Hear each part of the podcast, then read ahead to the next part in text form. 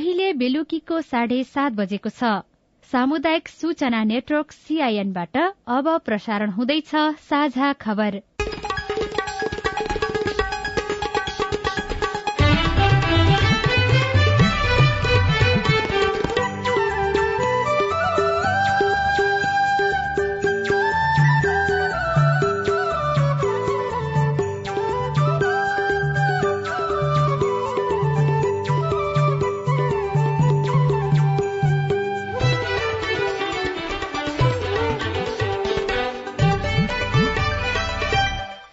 सीआईएनको साझा खबरबाट सोभिता रिसालको नमस्कार। साझा खबर देशभरिका सामुदायिक रेडियो सीआईएन खबर डट कम सीआईएनको फेसबुक पेज र मोबाइल एप सीआईएनबाट पनि सुन्न सकिन्छ।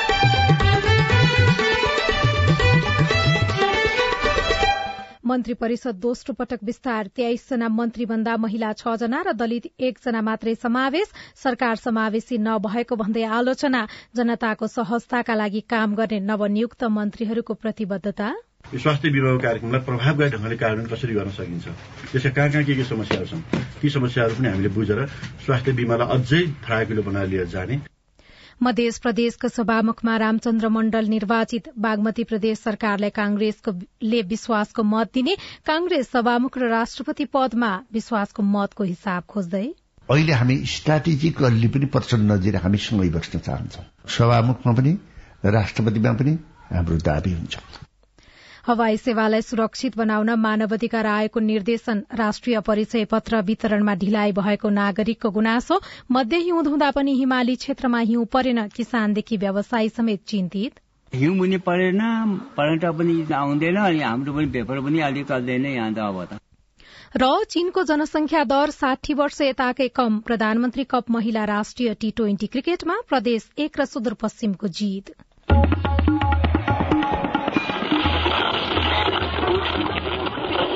सयौं रेडियो। हजारौं रेडियो कर्मी र करोड़ौं नेपालीको माझमा यो हो सामुदायिक सूचना नेटवर्क सीआईएन प्रधानमन्त्री पुष्पकमल दाहाल प्रचण्ड नेतृत्वको मन्त्री परिषदमा तेइसजना मन्त्री बनेका छन् जसमध्ये चारजना महिला मन्त्री बने भने दुईजना महिला राज्य मन्त्री बने। यो लगभग छब्बीस प्रतिशत हुन आउँछ तर दलित समुदायको तर्फबाट राज्य मन्त्रीमा एकजना मात्रै नियुक्त भएका छन्। पछाडि पारिएका तथा सीमान्तकृत समुदायको तर्फबाट पनि सरकारमा सहभागिता देखिएन। सरकार अझै समावेशी प्रकृतिको बनाइन सक्ने भए पनि त्यसो हुन नसक्नु दुःखद हो। प्रधानमन्त्री पुष्पकमल दहाल प्रचण्डले आज दोस्रो पटक मन्त्री परिषद विस्तार गर्नुभएको छ। यससँगै मन्त्री परिषद तेइस सदस्यीय बनेको छ। नवनियुक्त मन्त्रीहरूले पद तथा गोपनीयताको शपथ लिएसँगै आजै मन्त्रालयको जिम्मेवारी सम्हालेका छन्। मन्त्रालय पुगेर जिम्मेवारी सम्हाल्नु अघि शीतल निवासमा आयोजित समारोहमा राष्ट्रपति विद्यादेवी भण्डारीबाट राप्रपाका अध्यक्ष समेत रहेका राजेन्द्र लिङदेनले उप प्रधान तथा ऊर्जा मन्त्रीमा शपथ ग्रहण गर्नुभयो। यस्तै नेकपा एमालेका हरि उप्रेतीले रक्षा डाक्टर भीमला राई पौडेलले परराष्ट्र पदम गिरीले स्वास्थ्य तथा जनसंख्या भगवती चौधरीले महिला तथा बाल बालिका मन्त्रालयको शपथ लिनुभयो। एमालेबाट यसअघि मन्त्री बनिसक्नुभएका ज्वाला कुमारी शाहले कृषि राजेन्द्र राईले भूमि व्यवस्था सहकारी मन्त्री नियुक्त हुनुभएको छ। यसै गरी नेकपा माओवादी केन्द्रबाट संचार मन्त्रीमा रेखा शर्मा संस्कृति पर्यटन तथा नागरिक उड्डयन मन्त्रीमा सुदन किराती संघीय मामिला मन्त्रीमा अमनलाल मोदीले पनि शपथ लिनुभएको छ। राप्रपाबाट ध्रुव बहादुर प्रधानले कानून तथा विक्रम पाण्डेले शहरी विकास मन्त्रालयको शपथ ग्रहण गर्नुभएको छ। यसै गरी राष्ट्रिय स्वतन्त्र पार्टीबाट शिशिर खनालले शिक्षा तथा डोर प्रसाद अर्यालले श्रम मन्त्रीको शपथ लिनुभयो। जनमत पार्टीका अब्दुल खानलाई खानेपानी मन्त्रीको जिम्मे जिम्मेवारी दिएको छ तर यसअघि उद्योग मन्त्रीको जिम्मेवारी दिने भनिएकोमा खानेपानी मन्त्री नियुक्त भएपछि जनमत पार्टी असन्तुष्ट बनेको छ। यस्तै राप्रपाका दीपक सिंहले ऊर्जा राज्य मन्त्री रासोपाका डाक्टर तोसिमा कार्कीले स्वास्थ्य राज्य मन्त्रीको शपथ लिनुभयो। सुशीला श्रीपाली संस्कृति पर्यटन तथा नागरिक उड्डयन राज्य मन्त्री नियुक्त भए पनि उहाँ भने शपथ ग्रहणमा उपस्थित हुनुभएको थिएन। उपप्रधान तथा ऊर्जा जलस्रोत तथा सिंचाई मन्त्री राजेन्द्र लिङदेनले मन्त्री पदको शपथ लिए लगतै पशुपतिनाथको मन्दिरमा दर्शन गर्नु भएको छ। मन्त्री लिङदेनले मन्त्रालय पुगेर ऊर्जा जलस्रोत र सिंचाई क्षेत्रको आवश्यकता र प्राथमिकता निर्धारण गर्न तीन सदस्यीय कार्यदल बनाउने निर्णय गर्नु भएको छ। ऊर्जा जलस्रोत र सिंचाईको क्षेत्रमा हामीले योजनाबद्ध ढंगले प्राथमिकतामा राखेर गर्नुपर्ने कामहरू के के हुन्? हाम्रो आवश्यकता प्राथमिकताहरू निर्धारण गर्न र पाँच वर्ष एउटा रणनीतिक योजना बनाउनको लागि अहिले एउटा कार्यदल चाहिँ गठन गर्ने निर्णय गरेका छौँ पहिलो निर्णय तीन सदस्यीय बनाएका छौँ मन्त्रालयकै सहसचिवको संयोजकत्वमा योजनाबद्ध ढंगले काम गरियो भने मात्रै त्यसले ठोस परिणाम प्राप्त गर्न सक्छ कि हामी कति अगाडि बढ्यौं भनेर देख्न सकिन्छ। श्रम रोजगार तथा सामाजिक सुरक्षा मन्त्री डोल प्रसाद अर्यालले रोजगारीका लागि बाध्यताले विदेश जानुपर्ने अवस्थाको अन्त्य गर्ने प्रतिबद्धता व्यक्त गर्नुभयो। रोजगारीका लागि विदेशिनु नै पर्ने अवस्था रहेमा त्यस्ता व्यक्तिहरूको आत्मसम्मान र सुरक्षाको प्रत्याभूति सरकारले गर्ने उहाँले प्रतिबद्धता व्यक्त गर्नुभयो। यस्तै पद बहाली गर्दै स्वास्थ्य तथा जनसंख्या मन्त्री पदम गिरीले स्वास्थ्य बीमा कार्यक्रमलाई प्रभावकारी बनाउने बताउनुभयो। नेपालको सबैभन्दा ठूलो समस्या शिक्षामा स्वास्थ्यमा अलि बढी विकराल समस्या छ। होइन गरिब जनताहरूले त्यसको त्यो एक्सेस भन्दा बाहिर छ। होइन उपचार नपाएर मर्नुपर्ने अवस्था स्थिति छ। यो स्वास्थ्य बिमाको कार्यक्रमलाई प्रभावकारी ढंगले कार्यान्वयन कसरी गर्न सकिन्छ? त्यसका कहाँ कहाँ के के समस्याहरू छन्? ती समस्याहरू पनि हामीले बुझेर स्वास्थ्य बिमालाई अझै फराकिलो बनाएर लिएर जाने सबै नागरिकहरूलाई त्यो त्यसको दायराभित्र ल्याउने र गुणस्तरीय स्वास्थ्य सेवा दिने।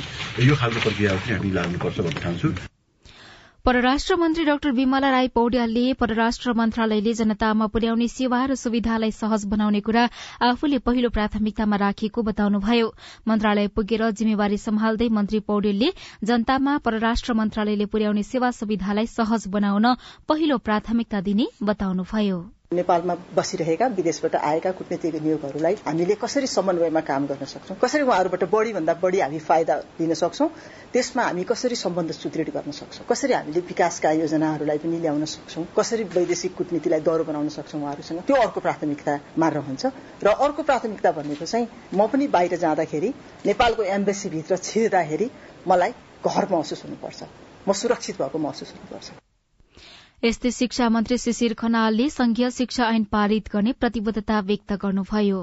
पहिलो प्राथमिकता भनेको हाम्रो सिकाइ उपलब्धिलाई कसरी बढाउने भन्ने चिन्तनमा अबको शिक्षा मन्त्रालयलाई म नेतृत्व गर्छु भन्ने छ। थुप्रै समस्याहरू छन्। दरबन्दीका कुराहरू पनि छन्। दरबन्दी समायोजन गर्नुपर्ने कुराहरू छन्। विश्वविद्यालयका सुधारका कुराहरू छन्। अब गत झन्डै झन्डै एक वर्षदेखि विश्वविद्यालय कतिपय फ्याकल्टीको परीक्षा नै भएका छैनन्। त्यस्ता कुराहरू छन्। त्यस्ता कुराहरूलाई चाहिँ हामी सकेसम्म चाँडै नै निर्मूल गरेर शैक्षिक सत्र शुरू हुँदै नै पाठ्यक्रम हातमा पुर्याउने कुराहरूमा पनि म अगाडि बढाउँछु। सरकारमा तेइसजना मन्त्री हुँदा चारजना महिला मन्त्री र दुईजना महिला राज्य मन्त्री बनेका छन्। दलित समुदायका तर्फबाट एकजना राज्य मन्त्री मात्रै बन्नु भएको छ। कर्णाली प्रदेशबाट एकैजना पनि मन्त्री बनाइएको छैन। नयाँ सरकारलाई काम गर्ने अवसरका साथै चुनौती पनि उत्तिकै छन्। उनासय प्रतिशत भन्दा बढ़ी सांसदको समर्थनमा प्रधानमन्त्री बनेका पुष्पकमल दाहाल प्रचण्ड नेतृत्वको मन्त्री परिषदमा नयाँ मन्त्रीको बाहुल्य छ। दुईजना मन्त्री नियुक्त गर्न बाँकी रहँदा चारजना उप प्रधानमन्त्री र तीनजना राज्य मन्त्री छन्। विष्णु पौडेल नारायण काजी श्रेष्ठ रेखा शर्मा विक्रम पाण्डे र ज्वाला कुमारी शाह बाहेक सबै मन्त्री नयाँ छन्। नयाँ अनुहारसँग आशा मात्र धेरै छैनन्। काम गर्ने तौर तरिका प्रतिको संशय पनि उत्तिकै छ। सस्तो लोकप्रियताका लागि निर्देशन दिने मिठा कुरा गर्ने र कतिपय अवस्थामा आला काँचा अभिव्यक्ति दिने क्रम बढ़न सक्ने खतराका बीच मन्त्रीहरूले दूरगामी महत्वका काम गर्नुपर्नेछ। उसो त मन्त्री परिषदमा नयाँ अनुहार मात्र छैनन् केही विवादित नाम पनि छन्। उप प्रधान तथा गृहमन्त्री रवि लामी छानेको नागरिकता बारे सर्वोच्च अदालतमा मुद्दा विचाराधीन छ भने ठेकेदार कम्पनीका मालिक रहेका विक्रम पाण्डेले शहरी विकास मन्त्रालयको जिम्मेवारी पाउँदा स्वार्थको टकराव हुने खतरा छ। पाण्डेलाई अख्तियारले भ्रष्टाचारको मुद्दा दायर गरेकोमा विशेष अदालतले सफाई दिए पनि सर्वोच्चमा पुनरावेदन गर्ने अख्तियारले तयारी गरिरहेको छ। श्रम मन्त्रीमा आजै नियुक्त डोर प्रसाद अर्याल रेमिट्यान्स कम्पनीका प्रमुख कार्यकारी अधिकृत रहेको पाइएको छ। नेपाली श्रमिकलाई विदेश जानुपर्ने अवस्थाबाट मुक्ति दिने दावी गर्दै गर्दा उहाँले गर्ने काम कस्ता हुने हुन् प्रश्न छन्। सदाचारका पक्षमा चर्को भाषण गर्ने नेताका रूपमा चिनिएका राजेन्द्र लिङदेनले राम्रो लेनदेन हुने भनेर चिनिने ऊर्जा मन्त्रालयको बागडोर सम्हाल्नु भएको छ। यही मन्त्रालयमा राज्य मन्त्री बन्नुभएका दीपक बहादुर सिंहको विगत पनि कतिपय विवादित काममा मुछिएको छ तर शिक्षाको गुणस्तर सुधारमा पैरवी गरिरहेका र राम्रो संस्था सञ्चालन गरेको अनुभव रहेका शिशिर खनाल अध्ययनशील सांसदको छवि बनाउनु भएका डाक्टर विमला राई पौड्याल तुलनात्मक रूपमा राम्रो काम गरेको भनेर चिनिएका पदम गिरी सुदन किराँती र रेखा शर्मा लघुवित्तको क्षेत्रबाट समुदायमा राम्रो छाप पार्न सफल भगवती चौधरी लगायत मन्त्रीहरूका लागि केही गर्ने अवसर बनेको छ। नेपाली कांग्रेसले सर्वदलीय बैठकमा प्रमुख प्रतिपक्षी दलको मान्यताका लागि दावी गरेको छ। प्रधानमन्त्री पुष्पकमल दहाल प्रचण्डलाई विश्वासको मत दिने दलहरूको बैठकमा गएर कांग्रेसले प्रमुख प्रतिपक्षी दलको नेतामा आफ्ना सभापति शेरबहादुर देउवा नै हुनुपर्ने दावी गरेको हो। कांग्रेसले सरकारलाई समर्थन गरेको भन्दै नेपाल मजदूर किसान पार्टीले प्रमुख विपक्षी दलको मान्यता आफूले पाउनुपर्ने दावी गर्दै आएको छ। बैठकपछि पत्रकारहरूसँग कुराकानी गर्दै कांग्रेसका प्रमुख सचेतक रमेश लेखकले छलफलमा राष्ट्रपति सभामुख उपराष्ट्रपति र उपसभामुखको विषयमा समेत छलफल भएको जानकारी दिनुभयो। मध्य प्रदेशको सभामुखमा नेकपा एमालेका रामचन्द्र मण्डल निर्वाचित हुनुभएको छ। आज प्रदेशसभामा भएको सभामुखको निर्वाचनमा रामचन्द्रको पक्षमा चौहत्तर र विपक्षमा उनातिस मत परेको हो। यसैबीच बागमती प्रदेश सरकारको मुख्यमन्त्री शालिग्राम जमकट्टेलले विश्वासको मत पाउनु भएको छ। संघीय सरकारलाई नै विश्वासको मत दिएका कारण बागमती प्रदेश सरकारलाई पनि समर्थन गर्ने निर्णय गरेको कांग्रेस संसदीय दलका मुख्य सचेतक कुन्दन राज काफ्लेले जानकारी दिनुभयो। यो निर्णयमा कांग्रेसका केही सांसदले फरक मत दर्ता गरेका छन्। कर्णाली प्रदेशमा भोलि उपसभामुखको निर्वाचन हुँदैछ। सभामुख नन्दा गुरूङले प्रदेश सभा नियमावली दुई हजार उनासीको उपनियम नौ बमोजिम दिउँसो एक बजेका लागि उपसभामुखको निर्वाचन तोक्नु भएको हो। साझा खबरमा अब विदेशका खबर। चीनको जनसंख्या सन् उन्नाइस सय एकसठी पछि पहिलो पटक घटेको छ। चीनको जनसंख्या साठी वर्षमा पहिलो पटक घटेको र राष्ट्रिय जन्मदर न्यून भएको बीबीसीले लेखेको छ। चीनमा प्रति एक हजार जनामा छ दशमलव सतहत्तर सात सात जन्मदर देखिएको छ। चीनले एक सन्तान नीति खारेज गरेको भए पनि जनसंख्या बढ़न सकेको छैन। आज सार्वजनिक भएको तथ्याङ्क अनुसार गत वर्षको तुलनामा पनि यो वर्ष जन्मदर घटेको छ। र खेल खबरमा प्रदेश नम्बर एक इटहरी मा चलिरहेको प्रधानमन्त्री कप महिला राष्ट्र टी ट्वेन्टी क्रिकेट प्रतियोगिताको सेमी फाइनलमा प्रवेश गरेको छ। आज कर्णाली प्रदेशलाई दश विकेटले हराउँदै प्रदेश एकले लगातार तेस्रो जीतका साथ प्रदेश एकको सेमी फाइनलमा स्थान बनाएको हो। यस्तै सुदूरपश्चिम प्रदेशले इटहरीमा जारी प्रधानमन्त्री कप महिला राष्ट्रिय टी ट्वेन्टी क्रिकेट प्रतियोगितामा लगातार तेस्रो जीत निकाल्दै समूह विजेताको रूपमा सेमी फाइनलमा स्थान बनाएको छ। आजको खेलमा साबिक विजेता एपीएफ क्लबलाई चार विकेटले हराउँदै सुदूरपश्चिम समूह विजेता बन्दै अन्तिम चारमा पुगेको हो। बयानब्बे रनको लक्ष्य सुदूरपश्चिमले उन्नाइस ओभर दुई बलमा छ विकेट गुमाएर बयानब्बे रन जोड्दै पूरा गरेको थियो।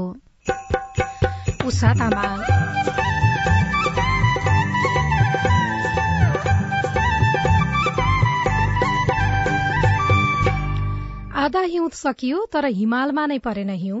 हिउँ पनि परेन पर्यटक पनि आउँदैन अनि हाम्रो पनि पेपर पनि अलिक चल्दैन यहाँ त अब त। पहिलो भन्दा त अब हिउँ पर्ने पनि घट्यो। पर्यटक घटे व्यापार व्यवसायमा समेत घाटा। रिपोर्ट नेपाली कांग्रेस विश्वासको मतको भरपाई खोज्दै लगायतका सामग्री बाँकी नै छन्। सीआईएनको साझा खबर सुन्दै गर्नुहोला।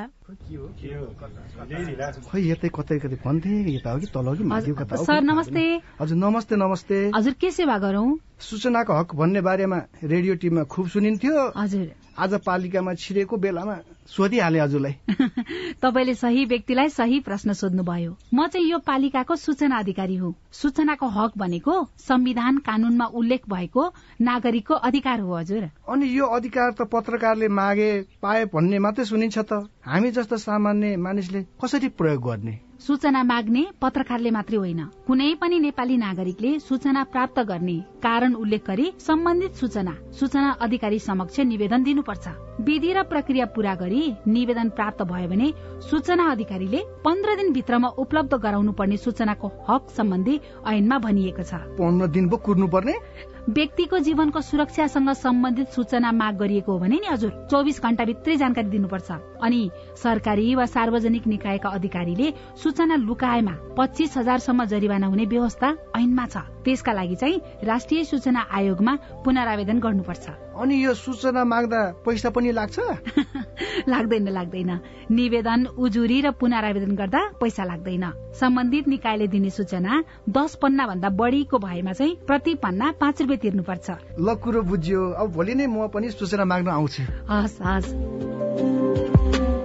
अस्ट्रेलिया सरकार र द एसिया फाउन्डेशनको साझेदारीमा सञ्चालित स्थानीय सरकार सबलीकरण कार्यक्रम र अकोराब नेपाल। सामाजिक रूपान्तरणका लागि यो हो सामुदायिक सूचना नेटवर्क सीआईएन तपाई सामुदायिक सूचना नेटवर्क सीआईएनले तयार पारेको साझा खबर सुन्दै हुनुहुन्छ। राष्ट्रिय मानवाधिकार आयोगले हवाई सेवालाई सुरक्षित बनाउन निर्देशन दिएको छ। हवाई दुर्घटनाबाट नागरिकले ज्यान गुमाउनु परिरहेको अवस्थाप्रति संवेदनशील बन्न भन्दै हवाई सेवालाई सुरक्षित र भरपर्दो बनाउन आयोगले अनुरोध गरेको हो। अझ एक विज्ञप्ति निकालेर आयोगले अन्तर्राष्ट्रिय नागरिक उड्डयन संगठनद्वारा निर्धारित मापदण्ड एवं सिफारिशहरूको कार्यान्वयनमा जोड़ दिन सरकारको ध्यानाकर्षण समेत गराएको छ। नेपाल टेलिकमको मोबाइल र ल्याण्डलाइन फोनमा देखिएको समस्या समाधान भएको नेपाल टेलिकमले दावी गरेको छ। आज मध्याह बाह्र बजेदेखि केही समय टेलिकमको नेटवर्कमा समस्या आएको थियो। टेलिकमका प्रवक्ता शोभन अधिकारीले दिउँसो केही समय प्राविधिक समस्या भए पनि समाधान भएको सीआईएनसँग बताउनुभयो। सरकारलाई चीन सरकारले विपदकालीन समयका लागि आधुनिक पुल प्रदान गरेको छ। विपदका बेला प्रयोग गरिने तीन थान आधुनिक पुल रसुवागढ़ी नाकाबाट नेपाल भित्रिएको छ। चीनले नेपाललाई अनुदान स्वरूप हस्तान्तरण गरेको आधुनिक प्रविधिको तीनवटा थान एस जेड मेकानाइज पुल आज उच्च सुरक्षा सतर्कताका साथ रसुवागढ़ीबाट धुन्चे र विदुर हुँदै काठमाण्डौ ल्याइएको हो। तीन थान मध्ये पहिलो चरणमा दुई थान आएको र पर्सि एक थान एच जेड मेकानाइज पुल आउने जिल्ला प्रशासन कार्यालय नुवाकोटले जनाएको रेडियो भैरवी नुवाकोटले खबर पठाएको छ। एकातिर आधा हिउँद सकिदासम्म पानी पर्ने छनक देखिएको छैन। अर्कातिर हिमाली क्षेत्रमा राम्रोसँग हिउँ पनि परेको छैन। सिन्धुपाल्चोकको माथिल्लो क्षेत्रमा हिउँ नपरेका कारण कृषि मात्रै होइन। पर्यटन व्यवसायमा पनि असर परेको छ। पछिल्ला वर्षमा हिउँ पर्न छोडेपछि सिन्धुपाल्चोकको डाँडा पाखामा काला पत्थर मात्रै देखिन थालेको छ। जलवायु परिवर्तनको असर स्वरूप हिउँ कम पर्दै जाँदा हिउँ हेर्न पुग्ने पर्यटक घटेका छन्। यसको असर स्थानीय व्यवसायमा परेको छ। पर्यटक घट्दा लाखौंको लगानीमा खुलेका हिमाली भेका होटल तथा रेस्टुरेन्टहरू घाटामा छन्। शेरमाथानमा विगत पच्चिस वर्षदेखि होमस्टे चलाउँदै आउनुभएका निमा डोल्मा लामा। पहिला त हाम्रो होमस्टेहरू प्याक प्याकै हुन्थ्यो। पर्यटकहरू पनि आउनुहुन्न। पहिलो भन्दा त अब हिउँ पर्ने हेलम्बुको तार्के घ्याङ मेलम्ची घ्याङ तेजेनथाङ कुटुङसाङ घोप्टे घ्याङ ठाडेपाटी तारतुङ लगायतका क्षेत्रमा चार वर्ष अघिसम्म पुष माघमा छपक्कै हिउँले ढाक्थ्यो। तर अहिले हिउँ पर्न छाडेको छ। हेलम्बु क्षेत्रमा स्थानीय स्रोत र साधनबाट बनाएका आकर्षक होटल पाहुना घर हेल्मो जातिको रीतिरिवाज गुम्बा घ्याङ ग्रेटेल जस्ता संरचनाहरूमा पुग्ने पर्यटक हिउँ देख्न र छुन नपाउँदा खल्लो भएको अनुभव सुनाउँछन्। अर्को होमस्टे संचालक धनवीर लामा। हिउँ मुनि परेन। पर्यटक पनि आउँदैन अनि हाम्रो पनि पेपर पनि अलिक चल्दैन यहाँ त अब त। प्रशस्त मात्रामा हिउँ पर्दा स्थानीय उत्पादनबाट बनेका परिकार लाङटाङ राष्ट्रिय निकुञ्ज मेलम्ची खोलाको छहरा भौगोलिक विविधताले विगतमा हेलम्बुमा विदेशी पर्यटकको भेड लाग्ने गरेको थियो। पहिला हेरेर चिसो त कमै हो यति बेलासम्म। वारिपारी डाँडाहरू हेर्दाखेरि पनि पर्मानेन्टली अब हिउँले ढाकेको हुन्छ। अहिले त नाङ्गो भइसक्यो। यो ठाउँतिर रेड पाण्डाहरू आउँथे अरे। वन्य जन्तुहरू अहिले लोप हुँदै गएको छ। हिमाली भेगमा हिउँ नै पर्न छोड्नु खतराको संकेत भएको वातावरण विज्ञ प्रभु बुढाथोकीको भनाइरहेको छ। पर्यटन व्यवसायको मुख्य आधार भनेको हाम्रो हिमाल र हिउँ हो। हिउँ र हिमाल जोगाउनको लागि जलवायु परिवर्तनका कोषहरूबाट हामीलाई सहयोग चाहिन्छ भनेर हामीले भन्नुपर्ने हुन्छ। हिउँ पग्लिएर पहाड़ जति कालै देखिन थालेपछि हेलम्बु गाउँपालिकाले वार्षिक नीति तथा कार्यक्रममा कृत्रिम हिउँ उत्पादन गर्नका लागि बीस लाख रुपियाँ बजेट पनि विनियोजन गरेको छ। हेलम्बु गाउँपालिका अध्यक्ष निमा ग्याल्जेन शेर्पा। यो ठूलो क्षति हो कृत्रिम हिउँ जमाउने वातावरण संरक्षण कोषको लागि भनेर दुई पर्सेन्ट पैसा छुट्याइरहेको छ। हिउँ कम पर्दा हिमालको सौन्दर्य हराउनुका साथै पर्यटनमा असर मात्रै होइन कालान्तरमा नदीका मुहान सुक्ने र पिउने पानीकै अभाव हुने जोखिम बढ़ेको छ। Deepak Khatri CIN radio Sindhu Sindhupalchok. साझा खबरमा अब हेलो सीआईएन सजना तिमल सिन्हाबाट। नमस्कार म दार्चुला जिल्ला मालिकार्जुन गाउँपालिका वार्ड नम्बर तीन सुगरखाली बस्तीबाट बोल्दैछु हाम्रो बस्तीमा पहिलादेखि नै खानेपानीको एकदमै समस्या भएको कारणले गर्दाखेरि स्थानीय दुई दुईचोटि स्थानीय सरकारहरू बनिसक्दासम्म पनि अहिलेसम्म के कति कारणले गर्दाखेरि खानेपानीको समस्या समाधान हुन नसकेको होला? तपाईँको प्रश्न सुनेपछि दार्चुलाको मालिकार्जुन गाउँपालिकाका अध्यक्ष हिरा सिंह धामी भन्नुहुन्छ। समग्र रूपमा मालिकार्जुन गाउँपालिकामै एउटा खानेपानीको साह्रै समस्या ग्रस्त क्षेत्र छ सुक्खाग्रस्त क्षेत्र भएको कारणले पनि खानेपानीको समस्या समाधान हुन नसकेको थियो हिजोसम्म। तर त्यो सुँगरखाली भन्ने स्पेसली त्यहाँ क्षेत्रका लागि हामीले लिफ्टिङ खानेपानीका लागि कार्यक्रमहरू अगाडि सारेका छौँ। त्यहाँ अब के दिनमै हाम्रो चाहिँ टेन्डर प्रक्रियामा गएर त्यो धखानी एरियामा चाहिँ हाम्रो लिफ्टिङ खानेपानीका मार्फतबाट सुँगरखाली लगायतको त्यो क्षेत्रका लागि खानेपानीको समाधानका लागि हामीले पहल गरिरहेका छौँ। केही केही अवधिभित्रै हाम्रो त्यो काम अगाडि बढ्ने यहाँलाई जानकारी गराउन चाहन्छु। धन्यवाद। सीआईएनको इमेल ठेगाना साझा खबर at the rate Gmail dot कममा दिपेन्द्र बोहरा। राष्ट्रिय परिचय पत्र समयमा नपाउनुमा कसको कमजोरी हो भनेर प्रश्न गर्नुहुन्छ। नमस्कार म कृष्ण पौडेल राष्ट्रिय परिचय पत्र तथा पञ्जीकरण विभागको निर्देशक। ढिलाइ भएकै छैन हामीले आफ्नो प्लान अनुसार गएका छौँ होइन? हामीले एक करोड भन्दा बढी नागरिकको विवरण दर्ता गरिसकेका छौँ। अहिले पनि आजका दिनमा पनि सोह्रवटा जिल्लामा वडा स्तरमा पुगेर हाम्रो अभियान सञ्चालन भएकै छ। साथै सतहत्तरवटै जिल्ला प्रशासन कार्यालय र केही इलाका प्रशासन कार्यालयहरूमा पनि हाम्रो चाहिँ स्थायी स्टेसन मार्फत सेवा प्रवाह भएकै छ। हामी आफ्नो प्लान अनुसार नै छौँ ढिलाइ भएको छैन। र अब अहिलेको हकमा कार्ड प्राप्त गर्नै पर्छ भन्ने विषय पनि भएन। राष्ट्रिय परिचय पत्रमा विवरण दर्ता गराइसकेपछि उहाँले व्यक्तिले नम्बर पाउनुहुन्छ दस अङ्कको। त्यो दस अङ्कको नम्बरको आधारमा उहाँले जे जो सुविधा प्राप्त गर्नुपर्ने हो त्यो प्राप्त गर्नुलाई बाधा पर्दैन। तसर्थ कार्ड आउनै पर्छ भन्ने बुझाइ चाहिँ अलिकति त्यसमा चाहिँ क्लियर हुनुपर्ने आवश्यकता छ। तपाईँ जुनसुकै बेला हाम्रो टेलिफोन नम्बर शून्य एक बान्न साठी छ चार छमा फोन गरेर आफ्नो प्रश्न जिज्ञासा गुनासा अनि समस्या रेकर्ड गर्न सक्नुहुनेछ। तपाई सामुदायिक सूचना नेटवर्क सीआईएनले काठमाण्डुमा तयार पारेको साझा खबर सुनिरहनु भएको छ। ओली प्रचण्डको फुटमा कांग्रेसको राजनीतिक भविष्य। केपी ओलील वरिपरि त कसैलाई सहनै सक्नुहुन्न नि। प्रचण्ड पनि धेरै डोमिनेट भएर बस्न सक्ने नेता त छैन नि। कम्बिनेसनै हुँदैन के?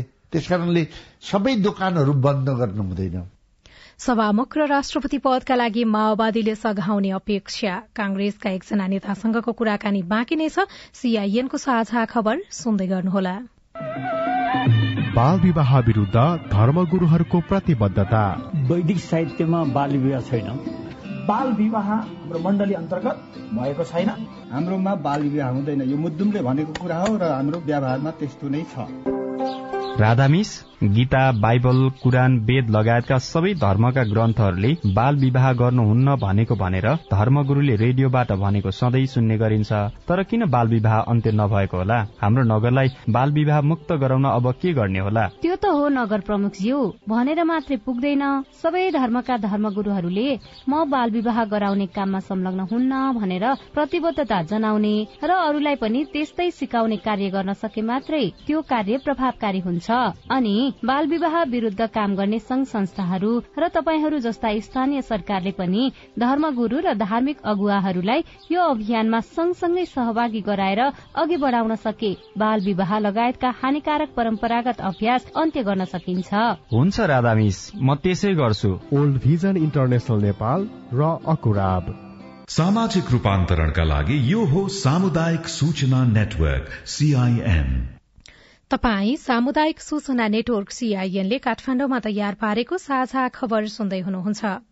नेपाली कांग्रेस माओवादी सहितको गठबन्धन नटुटोस् भन्ने चाहन्थ्यो तर घुर्काउँदै फकाउँदै प्रधानमन्त्री र राष्ट्रपति पद दुवै आफैसँग राख्ने कांग्रेसको योजना त्यति बेला फेल खायो। जति बेला एमाले अध्यक्ष केपी शर्मा ओलीले पुष्पकमल दाहाल प्रचण्डलाई प्रधानमन्त्री स्वीकार्ने गरी राजनैतिक दाउ खेल्नुभयो। सत्ता राजनीतिमा नराम्रोसँग पछारिएको कांग्रेस प्रचण्डलाई प्रधानमन्त्रीमा विश्वासको मत दिँदै एमाले र माओवादीको बीचमा पुनः शंकाको बीज रोप्न सफल भएको छ। सभामुख र राष्ट्रपति पदमा विश्वासको मतको हिसाब खोज्ने उसको रणनीति सफल होला। नेता डाक्टर चन्द्र भण्डारीसँग साथी राजन रुचालले सोध्नु भएको छ।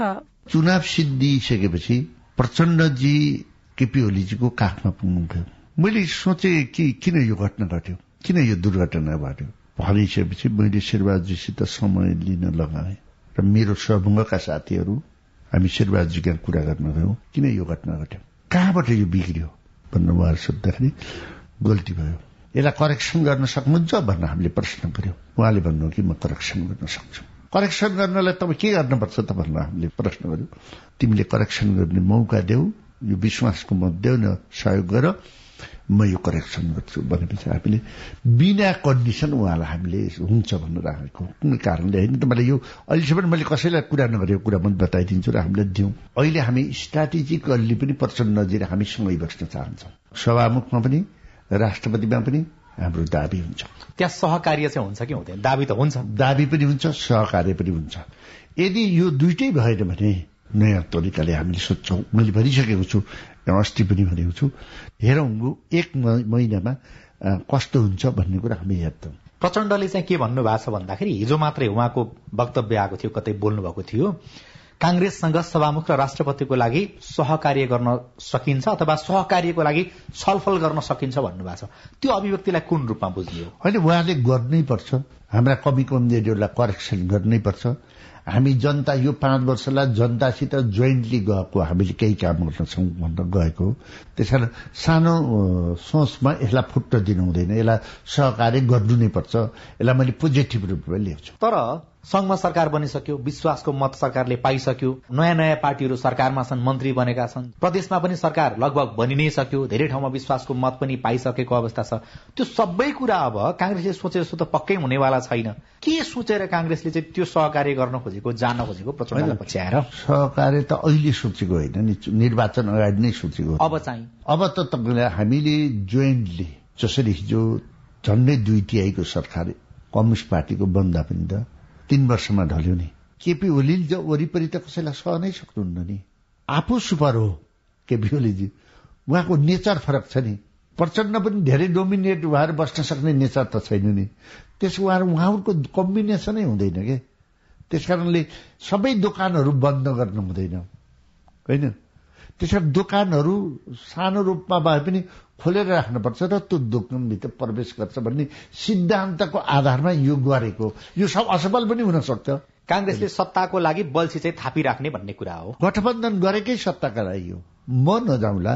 त गरेको त गठबन्धनका गरेको त सत्ताका लागि नै हो। त्यस्तो अवस्थामा चाहिँ नि जस्तो मानिलिनुहोस् कि सभामुखमा अथवा राष्ट्रपतिमा काङ्ग्रेसलाई माओवादीले सघायो। त्यस्तो अवस्थामा चाहिँ एमाले पनि सरकारमै रहँदाखेरि काङ्ग्रेस चाहिँ कहाँनिर अटाउँछ अथवा के हो त खास? यो हामीले नयाँ एक्सपेरिमेन्ट हो नेपालमा। डेमोक्रेसीको नयाँ अनुभव भन्नु मिल्छ। हाम्रा एक थरी साथीहरूले के भन्नुहुन्छ भने विभिन्न आफ्ना तर्कहरू दिन्छ डेमोक्रेसीको मूल्य र मान्यता विपरीत हो भन्नुहुन्छ। कुनै पनि दर्शन कुनै पनि सिद्धान्त एउटा निश्चित अवधिको निम्ति हुन्छ। र त्यो कार्यान्वयन हुँदै जाँदाखेरि त्यो देशको रहनसहन परिवेशसित पनि फ्लेभर जान्छ कि? लोकलाइजेसन हुन्छ भन्नुपर्छ कि? लोकलाइजेसनले पनि हुँदै जान्छ। त्यस अन्तर्गत हामी पर्छौँ। यो हाम्रो नयाँ नयाँ अनुभव हो। यो हामी नयाँ अनुभव गर्दैछौँ। षड्यन्त्रमाथि षड्यन्त्र। एउटा षड्यन्त्र भयो भने अर्को षड्यन्त्र पनि गर्नु पर्यो नि। यो तपाईँहरूको राजनैतिक अथवा कुटनीतिक तपाईँले भन्नुभएको भाषालाई सापट लिने भने षड्यन्त्र।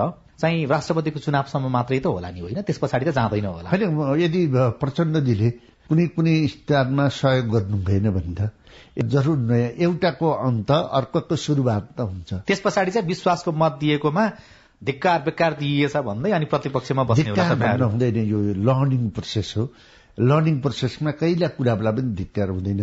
यदि यो गएन भने हाम्रो गठबन्धन गर्नु नै गलत थियो भन्ने कुरा यसले प्रमाणित हुन्छ। अनि काङ्ग्रेसको पार्टी राजनीतिमा त्यसको बहस शुरू हुन्छ। त्यसको बहस शुरू हुन्छ। त्यसले चाहिँ नेतृत्वलाई कतै असर गर्छ कि गर्दैन? होइन अहिले नेपालको नेतृत्व त योभन्दा असफलता के हुन्छ र यदि काङ्ग्रेसको कुरा गर्दैछु काङ्ग्रेसमा के हुन्छ र असफलता धेरै पर्छ? यसले असर गर्छ तर असर गरेर के गर्नुहुन्छ? जतिसुकै असर गरे पनि जतिसुकै कमजोर भए पनि नेपालको संविधानले उनीलाई मन्जुर बनाएको छ पार्लियामेन्टमा जानुहुन्छ समानुपातिक छ। पार्टीमा जानुहुन्छ मण्डित गर्न पाइन्छ।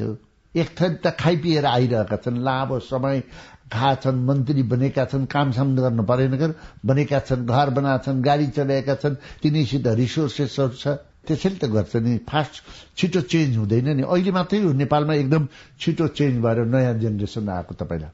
तपाईँले रविजीहरूले छ महिनामा यत्रो सिट ल्याउनु भयो नि। नयाँ एउटा सामाजिक मुद्दा बोकेर कहिले कहिले डाक्टर साहब यत्रो लामो समय राजनीति गरियो अत्यास पनि लाग्छ होला है तपाईँहरूलाई रविजीहरूको चाहिँ त्यो एक खालको सफलता देख्दाखेरि। मलाई कहिले कहिले कस्तो लाग्छ भने न हामीले पार्टीलाई सुधार्न सक्यौँ न मुलुक बनाउन सक्यौँ न हामीले लिएको डेमोक्रेसीलाई व्यवहारिक रूपमा उतार्न सक्यौँ। कहाँनिर केमा परियो भन्ने लाग्छ। अब तपाईँको पार्टी सभापतिले चाहिँ राजनीति छोडेर तपाईँहरूलाई अनुभव आदान प्रदान गर्दै सिकाउँदै नै बस्नुपर्छ भन्ने तपाईँहरूको कुरा उहाँहरू चार वर्षपछि तीन वर्षपछि त्यसै छोड्नुहुन्छ। विधान त छोड्नुपर्छ। अब त उहाँहरू गए पनि नगए पनि बसे पनि नबसे पनि मुलुक त विकृत भइसक्यो। यसलाई बनाउन धेरै गाह्रो छ। नेपाली कंग्रेसका नेता डाक्टर चन्द्र भण्डारी सीआईएनसँग कुराकानी गर्दै। मन्त्री परिषद दोस्रो पटक विस्तार भएको छ। तेइसजना मन्त्री बन्दा महिला छ जना र दलित तर्फबाट एकजना मात्रै समावेश भएका छन्। सरकार समावेशी नभएको भन्दै आलोचना पनि भएको छ। जनताको सहजताको लागि काम गर्ने नवनियुक्त मन्त्रीहरूले प्रतिबद्धता व्यक्त गरेका छनृ। मध्य प्रदेशको सभामुखमा रामचन्द्र मण्डल निर्वाचित हुनुभएको छ। बागमती प्रदेश सरकारले कांग्रेसले विश्वासको मत दिने भएको छ। कांग्रेस सभामुख र राष्ट्रपति पदमा विश्वासको मतको हिसाब खोज्दैछ। राष्ट्रिय परिचय पत्र वितरणमा ढिलाइ भएको नागरिकले गुनासो गरेका छन्। मध्य हिउँद लागिसकेको छ। हिमाली क्षेत्रमा हिउँ परेको छैन। किसानदेखि व्यवसायी समेत चिन्तित भएका छन्। र चीनको जनसंख्या दर साठी वर्ष यताकै कम देखिएको छ। प्रधानमन्त्री कप महिला राष्ट्रिय टी ट्वेन्टी क्रिकेट क्रिकेटमा प्रदेश नम्बर एक र सुदूरपश्चिमको जीत भएको छ। हवस् त आजलाई साझा खबरको समय सकियो। प्राविधिक साथी सुरेन्द्र सिंहलाई धन्यवाद। भोलि माघ चार गते बिहान छ बजेको साझा खबरमा फेरि भेटौँला। अहिलेलाई सोभिता रिसाल पनि विदा हुन्छु। नमस्कार शुभरात्री।